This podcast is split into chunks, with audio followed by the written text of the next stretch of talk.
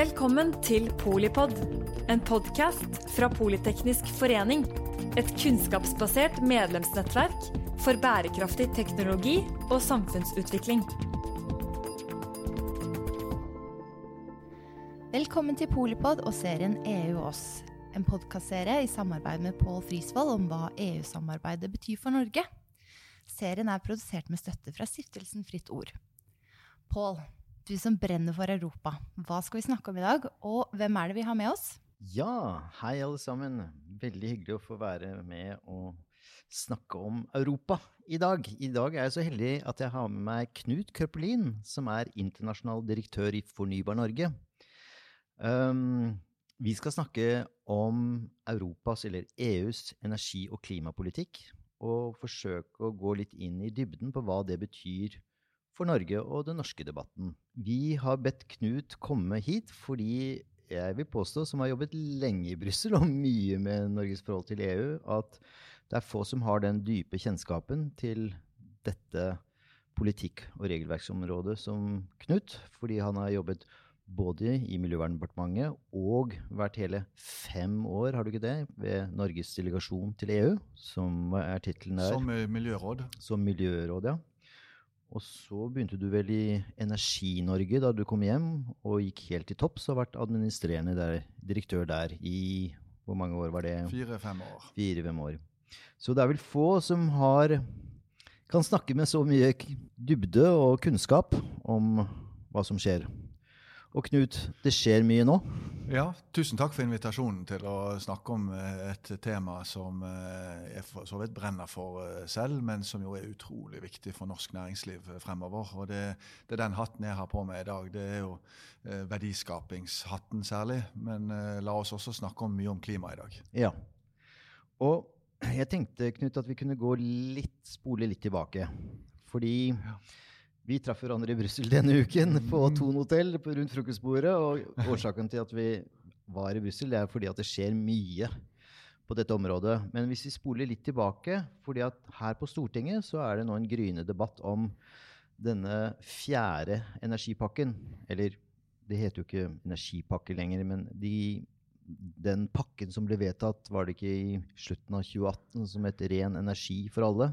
Ja, Nei, vi, vi, har jo et system i EU med disse pakkene. Eh, det er sånn Du kan tenke på julegave eh, hvor man har eh, store pakker med masse spennende innhold. og det, det, gjør at EU setter sammen regelverk og politikk på en måte som jo gjør at man prøver å se mer helhetlig på klima- og energifeltet, for det hører sammen.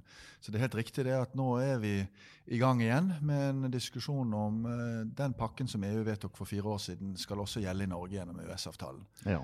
Så jeg pleier av og til å si at uh, dette klima- og energiområdet har gått fra sånn spedbarnsstadiet og så via en barndom og, og er i ferd med å bli en voksen, et, et veldig voksen politikkområde. Okay. Veldig utviklet. Ja. Uh, men tilbake til uh, 2008, da, så kom jo de første ordentlige, solide pakkene, og så fikk vi en ny i 2018. Ja. Og vi brukte jo en del tid på energipakke 3, som mange kjenner til. Men den kom i havn til slutt, gjorde den ikke det? Ja, det, det tok jo ti år, da. Eh, og, og, det er fryktelig lenge for eh, regelverk som skal gjelde for selskaper som skal beslutte investeringer, eh, for myndigheter som skal delta i samarbeid, og ikke minst for klimaforutsigbarhet eh, på å kutte utslipp. Så vi brukte ti år da, fra EU bestemte seg i 2008 til Norge, Island og Liechtenstein bestemte seg i 2019. Mm. Så la oss legge den der EØS-prosessen, eller det, eh, de ekstra eh, milene vi må gå der, litt til side foreløpig. Men hvis vi da ser på denne fjerde pakken, eller ren energipakken som den heter, den omfatter jo også en, en, en, ganske bredt spekter av rettsakter, altså direktiver og forordninger. Hva vil du trekke frem som de viktigste her? Det, det, er jo et, et direktiv som heter fornybardirektivet, som er viktig. For det sier noe om uh, hvilke mål man har for utvikling av fornybar energi i Europa. Uh, hvilke regler som skal gjelde for den fornybare energien. Uh, og så har man noe som på fint heter elmarked, altså elektrisitetsmarkedet. Så den fjerde pakken var jo et forsøk på å komme et steg videre på f.eks. at kunden skal ta en mer aktiv rolle i energimarkedet enn det vi har sett før. Eh, ha kanskje sol på taket, styre forbruket sitt på en annen måte, slå seg sammen med andre i nabolaget sitt i borettslag og lage sånne energiforeninger. Det var det den pakken handlet mye om. Og så er det dette med handel mellom land. Da. For vi eh, har jo utenlandsforbindelser, som alle lytterne vil vite, som det er ulike syn på. Men det handlet også pakken om. Og i, i, Norge så har vi ofte et inntrykk av at vi ligger veldig langt fremme på disse områdene. Fordi så stor andel av vår eh, elektrisitetsproduksjon kommer fra fornybar kraft. Og vi, jo, vi var en, vel mm. en av grunnleggerne av dette eh, elektrisitetsmarkedet. Så kan du si litt mer om allikevel, hvilken betydning har dette regelverket for dere som er eh, eh energiprodusenter? Ja, Nei, vi, vi, liker jo å tenke at vi er langt fremme i løypen, og, og det er vi vel av, tre årsaker. Vi, vi, har jo eh, denne vannkraften vår, og, og, med den så har vi 99% fornybar kraftproduksjon. Det jo bare Island som kan sammenligne seg med det. Mm. Og så har vi et veldig solid nett, altså et strømnett i Norge, for vi varmer opp husene våre med, med strøm. Og så har vi jo elbilandeler som andre land bare kan drømme om, så vi har etter hvert en ladeinfrastruktur for transport. Så det til sammen gjør at vi ligger langt fremme. Og så eh, har vi jo eh, i de nordiske landene hatt et energisamarbeid helt tilbake fra 90-tallet.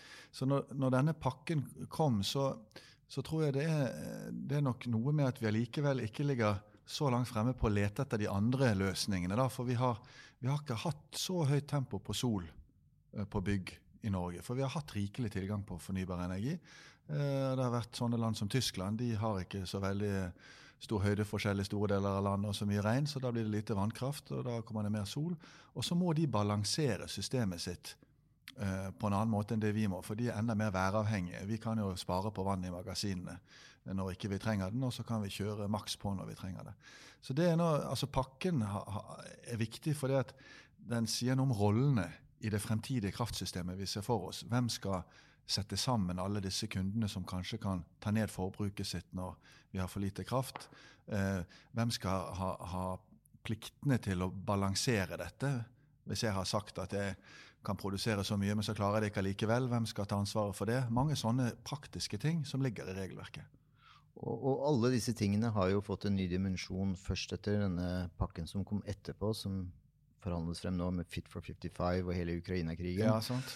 Men eh, før vi går ned der eh, Vi kan vel ikke snakke om dette her uten å snakke om elefanten i rommet, nær sagt. Altså, ja. denne, si ACER. Og, si A. si A ja. Så sier vi ACER. Ja.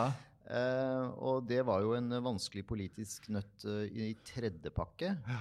Um, hva er din vurdering av hvordan den behandlingen kan bli i Stortinget eh, med nei, nei, tror, Ja, jeg, jeg, tror ikke vi skal legge skjul på at det er sensitiviteter også for denne såkalte fjerde pakken, eller ren energi for alle-pakken, som jo vi liker å kalle den for. Fordi at um, det er sånn at når vi får enda tettere samarbeid mellom land, vi har 17-18 mellomlandsforbindelser i Norge, det er veldig mange mellom de andre landene, så må vi ha felles spilleregler. Og, og, hvis ikke man blir enige mellom landene om hvor mye det skal flyte på disse forbindelsene, hvordan prisen skal fastsettes, hvem som skal produsere når, når du kan stenge grensene, så, så blir det den sterkestes rett. Og, og, det kan vi ikke ha. Derfor kommer ACER inn som en form for beslutningsmekanisme. Men det er jo veldig omstridt i, i Norge. og vi hadde lange runder da, eh, i forbindelse med tredje pakke, som du sier, og Stortinget bestemte seg for, til slutt for å, å, gå for det. Eh, og Der var det jo satt opp en sånn åttepunktsliste som var ja, vi tar denne pakken, og, men forutsetningen er sånn og sånn og sånn. Og Vår vurdering er vel at den fjerde pakken da, som ble vedtatt for tre år siden, ikke går på akkord med de forutsetningene. ASA får noe utvidet myndighet, bl.a. til å eh, si, bli enige med flertallsbestemmelser. Altså Det er jo norske RME, da, som er en del av NV, Vassdrags- og energidirektoratet, som sitter i en gruppe med med andre regulatorer, som da kan ta flertallsbeslutninger. Og RME må vi forklare for litt. Ja, Det er det som heter reguleringsmyndigheten for ja. energi, da, som på en måte passer på at mm. uh, dette markedet vårt fungerer, og at systemet fungerer. Og Hvis jeg kan bare skyte inn der, Knut, for du sier flertallsbestemmelser. Det er jo den måten som EU nå fatter alle vedtak på. Vil si at de går fra en sånn situasjon hvor hvert medlemsland hadde et, på en måte en vetorett, til at man må man må innstille seg etter hva som er flertallet? Ja, Så også i, også i regulatorstyret, som det vel heter, tror jeg, i ASA, så er det etter hvert flertallsbeslutninger. Og det, det, er jo på en måte eneste veien å komme videre på hvis man skal integrere. For ellers så ville vi nok neppe kunnet nå klimamålene våre, sånn som jeg ser det, hvis vi ikke skulle hatt et velfungerende marked for flyt av energi. Da, da ville Hvis hvert enkelt land skulle bygge opp nok fornybar energi innenfor sine grenser, eh, fordi at ikke man ble enige om handel på tvers av land, så ja, da kunne Europa glemt klimamålene. altså. Det er, det er musikk i mine ører og selvfølgelig virker veldig logisk. Men i vår sånn EØS-situasjon, da, eh, som ikke har eh, Vi har talerett, men vi har vel ikke stemmerett i dette forumet. Eh, er det ikke slik at de avgjørelser som ACER fatter, de skal da sendes til EFTAs overvåkningsorgan, og så er det ESA, altså EØS-tilsynet, som da vil uh, forholde seg til Norge? Ja, det er jo helt riktig det at uh, ASA har ingen direkte myndighet overfor norske myndigheter. Det er sånn at uh, de vil da sende denne beslutningen til ESA, og så er det ESA som bestemmer dette for Norge under EØS-avtalen. Så det er dette som vi så fint kaller for to pilar, er det ikke det? Mm, Hvor man har en pilar på EU-siden med kommisjonen og byråene og beslutningsprosessen, og så har vi den samme på EFTA-EØS-siden. Så vi kan i grunn si at uh, denne ACER-kompetansen, eller denne makten til, til ACER, den er jo ikke noe annerledes enn det vi er vant til fra EØS-avtalen. At uh, det er ESA som passer på Norge, Liechtenstein og Island, og kommisjonen som passer på medlemslandene. Ja, eh, det er jo egentlig bare akkurat det samme prinsippet. Vi har jo sett det på finansområdet ganske tydelig, også med Finanstilsynet. Det er også behov for å treffe beslutninger i finansmarkedet, eh, og flertallsbeslutninger, men det er jo ESA som formelt gjør dette da for, for oss. Så dette er en del av utviklingen av EØS-avtalen. Jeg jeg tror det er behov for at man politisk er innforstått eh, med at eh, dette er det langsiktige utviklingstrekket. Eh, Og så må man jo spørre seg om, eh, om man da fremdeles vil eh, være med på å diskutere og ha meninger, men ikke bestemme. Og der er du selvfølgelig inne på noe veldig kritisk, fordi at da vi gikk inn i EØS-avtalen, som ble fremforhandlet i 92 og den undertegnet og trådte i kraft i 94, mm. så var det relativt altså ganske ordinære harmoniseringer av standarder og rettsakter. Så den utviklingen som EU har eh, gått gjennom, uh, hvor man begynner å få myndighet på ting som treffer det norske samfunnet på en helt annen måte, det er vel kanskje det som er utfordringen her. Vi er vel på en måte nå inne i en klimaperiode hvor det faktisk begynner å merkes at vi skal fase ut ganske mye fossil energibruk i økonomien vår. Og det er ganske mye ny fornybar energi som skal bygges. Og det gir jo kanskje skal vi kalle det for voksesmerter. da, eller, eller de gir i hvert fall omstillingssmerter. For det vil koste, og det vil føre til eh, omfordelingsvirkninger eh, hvis ikke vi passer på at kostnadene og, og, og nytten fordeles mer rettferdig.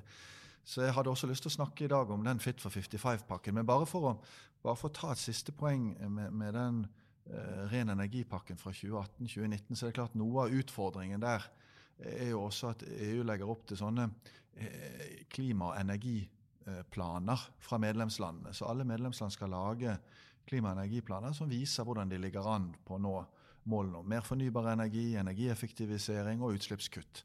Det er jo noe som eh, blir eh, krevende for Norge å, å ta inn i EØS-avtalen. Men min vurdering er at her burde man fra norsk side bare si at vi skal gjøre akkurat det samme, frivillig. Eh, vi skal speile dette, og vi kommer til å levere det inn. Eh, men det trenger ikke nødvendigvis være den samme kontrollfunksjonen. Og Da er vi på samme spor som våre naboland. For dette er jo ikke et abstrakt EU, det er jo Sverige. Det er jo Danmark, det er jo Finland. Det er jo de landene som er rundt oss i det nordiske markedet, og som vi er helt nødt til å planlegge sammen med. Så det, der kreves det politisk mot og vilje til å gå foran. For der er du inne på det som på EU-språket heter styringsmekanismen, ikke sant? Ja, det heter det. Eh, og og det er jo Det er vel i bunn og grunn en, en, en, en strategisk planlegging. Altså EU-landene har blitt enige om at hvert land som du sa, må lage sine strategier. De må se på hvordan de skal gå frem for å oppnå de målene som er satt i de forskjellige direktivene. Og um, igjen så kommer vi litt sånn i klemma, da, fordi at mye av dette handler om energi, som da selvfølgelig norsk forvaltning er opptatt av ikke er dekket av Mm. EØS-avtalen. Og så skal vi begynne å forhandle om å splitte opp deler av direktivene. Og Mm. da, eh, Knut, er vi vel inne i en sånn eh, forhandlingsprosess som kan ta tid? Ja, det er jo det som er litt synd hvis, hvis, hvis, hvis nå realiteten er at Europa går veldig raskt frem. Det er ganske omfattende, brede pakker. Og så skal vi bli sittende med en sånn millimetervurdering av hva som er innenfor eller utenfor EØS. Jeg tror vi ville vært godt tjent med å si at det som åpenbart da skal inn i EØS, som jo handler om marked og at det er markedsadgang og like spilleregler. Det, det, tar vi inn. Og på de andre områdene så gjør vi dette enten gjennom å bruke den fine protokollen vi har til EØS-avtalen, protokoll 31, eller bilaterale avtaler om et sånt strategisk samarbeid. Så, så, etter min vurdering så er det jo Det blir jo ikke bra hvis Norge skal ønske seg et strategisk partnerskap med EU på energi og, og grønn industri, og så skal man sitte og file på detaljene på, på en pakke som ble vedtatt for fire år siden. Det henger jo ikke sammen. Det er du helt rett i. Og det, det, har vi vel egentlig ikke tid til. Men Knut, kan, før vi går opp på Fit for 55, ja. uh, bare én ting. For du representerer jo eh, energiprodusentene, eller nå fornybar energi. Mm. Men eh, det er en stor del av disse pakkene som om, omhandler du var inne på det selv, energisparing og energieffektivisering. Mm. Og her vel, ser vi virkelig en opphoping av veldig viktige rettsakter, gjør vi ikke det? Ja, og eh, på energieffektivisering og disse bygningsdirektivene og alt det som har med energieffektivisering, så har vi ligget langt etter med å ta uh, de.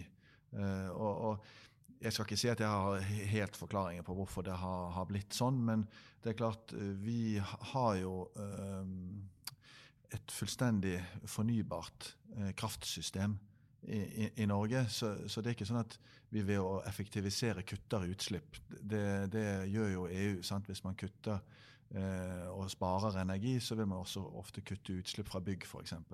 Mens for oss så handler det om et effektivt kraftsystem. Så det er litt forskjell på landene. Vi, vi, vi, vil jo da frigjøre mye kraft, da til eh, det kraftunderskuddet som vi går mot. Selvfølgelig. Så, sånn sett er det veldig viktig. Ja, så, ja. så, med en mer krevende kraftbalanse i Norge, eh, med mindre tilgang på ny fornybar, så vil det være viktig. Så det, er, eh, det har vært en egen podkast, det er bare de alle ja. rettsaktene på, på energieffektivisering ja. og hele den problematikken. Ja. Og, og, Vi skal ikke dvele for mye med det, men det er klart at dette, det vi egentlig snakker om nå, Knut, det er vel at EØS EØS-dimensjonen på vårt forhold til EU er eh, Det er ikke et hurtigtog. Det er noe som, eh, som gjør at vi kommer på hæla og på etterskudd. Ja, det, det, må jo være lov til å tenke på at når, når EU klarer i løpet av halvannet til to år å vedta la oss si 13-14 eh, rettsakter da, på hvor mange språk er det? 20 språk med 27 land. 24 språk. Gjennom en ganske komplisert prosess med å bli enige et parlament og medlemsland og en kommisjon. Så skal vi bruke ti år etterpå på Island, Liechtenstein og Norge på å få inn det samme. Det, det er ikke helt uh, bra.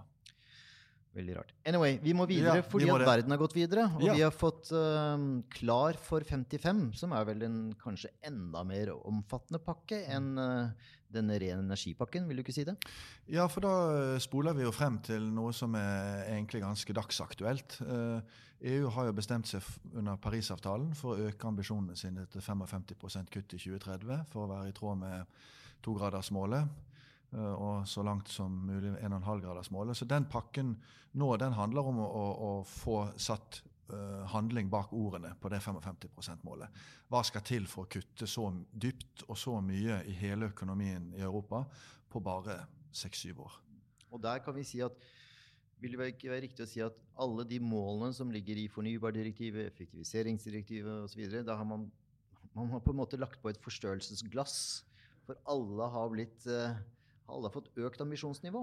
Ja, og, og det er, må man vel si er ganske imponerende. At et, et Europa da, midt i en, eh, en krig, eh, og en krig i energimarkedet, er i ferd med å, å vedta enda raskere omstilling av et, eh, av et, ganske komplekst energisystem. Så vi, vi ser jo en, en, voldsom akselerering. Så nå får vi altså da på de store punktutslippene i Europa, altså all industrien og, og kraftverkene, skal det kuttes eh, 62 i forhold til 1990-nivå, bare på syv år. Eh, kvoteprisen er på vei opp mot 100 euro, altså 1000 kroner tonn CO2 i den europeiske økonomien. Helt utrolig. Og så lager man en grensemekanisme ja, eh, som vi må snakke litt om. Eh, for å beskytte eh, europeisk industri og for å unngå at man får egentlig karbonlekkasje gjennom økte utslipp andre steder. En, en, en kjempesvær reform eh, som har handelspolitiske implikasjoner. Og så er det det tredje, og det er jo kanskje det mest interessante, det er at man jo skal innføre CO2-pris, altså en pris på utslipp, også for transportutslipp og utslipp fra bygg. Og de inntektene der de skal man kjøre tilbake igjen til eh, sårbare husholdninger. Altså en kjempestor eh, reform for hele Europa. Så ta det siste først, da, fordi at denne nye kvotehandelsmekanismen Ja. for bygg og transport, den, eh, den blir ikke så lett å ta inn i Norge, gjør den det? Fordi vi har jo ikke de samme mekanismene, f.eks. når det gjelder å kanalisere inntekter tilbake til disse sektorene. Nei, eh, vi eh, har jo eh, en CO2-avgift i Norge. Eh, Og den skal jo ifølge regjeringen trappes opp mot 2000 kroner tonnet til 2030. Og EU har vel lagt inn en sånn formulering om at hvis man har eh, en CO2-avgift i samme størrelsesorden, så må man ikke nødvendigvis innføre et sånt kvotesystem. Men eh, det er også sånn EØS-juss i, i finkategorien at disse bestemmelsene om å bruke inntektene er ikke EØS-relevante. Eh, Men man vil vanligvis argumentere at vi bruker eh, minst like store beløp på omstillingen gjennom Enova, eh, gjennom ulike fond eh, og gjennom støtte til bedrifter. Men karbongrensejusteringsmekanismen, eller Ja. CBAM som vi liker å kalle det på stammespråket, Carbon Border Adjustment Mechanism, du nevnte at det er en eh, nyvinning. Ja. Da jeg var i Brussel nå, så var det mange som kalte det for en aldri så liten revolusjon. Eh, Fordi at det er vel et helt nytt handelspolitisk redskap som blir brukt i klimakampen, kan vi ikke si det? Ja, det, det, er jo en, eh, en vurdering av at hvis Europa går alene foran i klimaarbeidet, det sånn som det har, vært eh, dessverre eh, siden nesten eh, Kyoto, men i hvert fall siden København-toppmøtet, så har USA og Kina dratt beina etter seg. og Når EU da går så til de grader foran på å kutte utslipp, så vil jo fort industrien i Europa tenke at den kan heller produsere i andre land, eller man kan importere disse produktene som er laget et annet sted med langt lavere kostnader. For det, for det koster jo å bruke fornybar energi istedenfor å bruke kull eller olje som innsatsfaktor. Så det man gjør nå, det er jo at hvis du da Sement, eh, kjemiske produkter, noe gjødsel, strøm osv. Hydrogen. Hydrogen. Som på en måte kommer til grensen, så må du da si at eh, her har jeg med meg en CO2-pris kanskje som er 100 kroner da, i Kina. I EU er den 1000, og da må jeg ha 900 kroner ekstra eh, som en form for grenseskatt på, på klima. Og dette er jo interessant fordi at denne mekanismen skal jo eh, starte opp allerede i 2026. Eh, den er en del av den pakken som vedtas nå. Nå er vi i 2023. Eh, da må vi få opp dampen nå, ikke sant? Ja, jeg skal love deg at de sliter i, i forvaltningen nå. For det, eh, det er jo ikke bare dette med grensehandel eh, eh, og den karbongrenseskatten, men skipsfarten skal jo inn i kvotesystemet allerede fra nyttår. Eh, hvis jeg forstår EU-siden rett. Så nå bankes dette gjennom i Brussel i disse dager. Og så har, har, har de satt en gjennomføringsfrist allerede i 2024. Så for at skipsfarten også i norske farvann da skal være likestilt med skipsfarten i resten av europeiske farvann, så har jo Klima- og miljødirektoratet en kjempejobb. Eh, tiden flyr. Ja. Vi må spole helt frem til i dag. Ja, fordi uh, da vi var i Brussel, så var det én ting som alle snakket om, og det var dette lekkede notatet, eller utgaven av da to ting, faktisk, eh, minst. Eh, men for det første dette elreforms, eh, altså reformering, eh, fornyelse av elmarkedsdirektivet. Hva var det så revolusjonerende, som mange har sagt? Eller jeg hørte at eh, mange som var litt sånn eh, lettet på skuldrene og sa at dette var jo ikke så mye.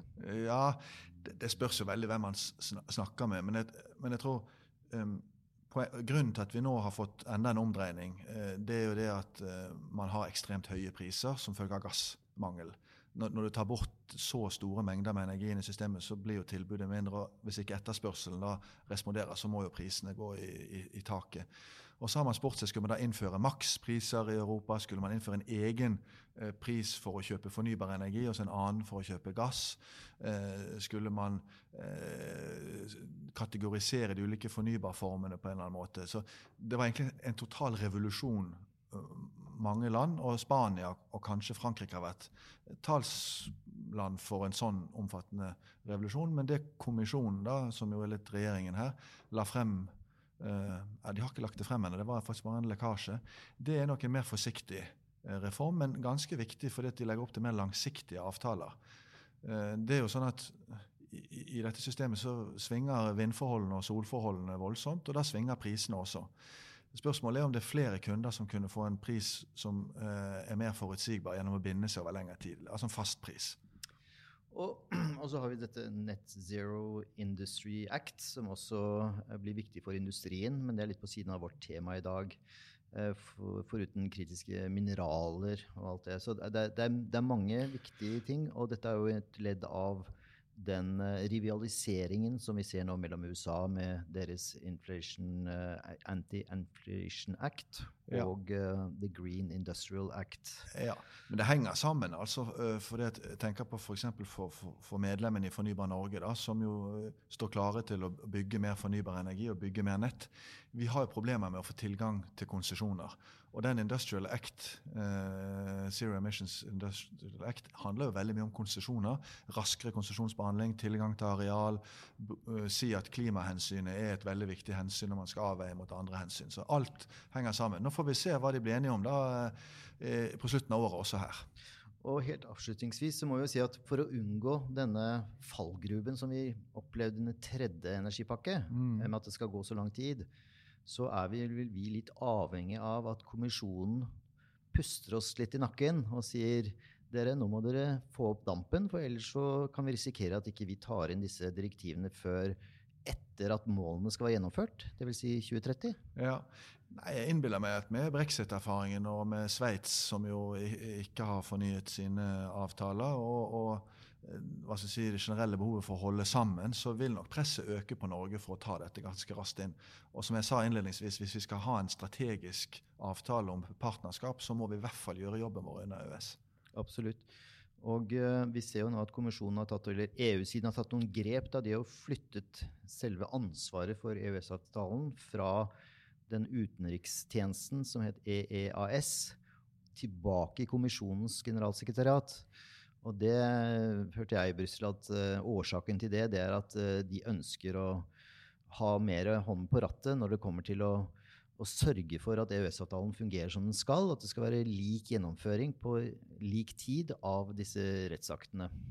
Ja, Nei, Jeg mener jo at det er bra for både klima, for forsyningssikkerhet og for grønn næringsutvikling i Norge at vi får eh, raskt dette på plass. og høres ut som kommisjonen i hvert fall er på ballen. Så her har Stortinget en stor jobb å gjøre. fordi at regjeringen, med Senterpartiet i regjering, vil vel ikke De har vel truet med å gå av hvis denne fjerde energipakken skal vedtas?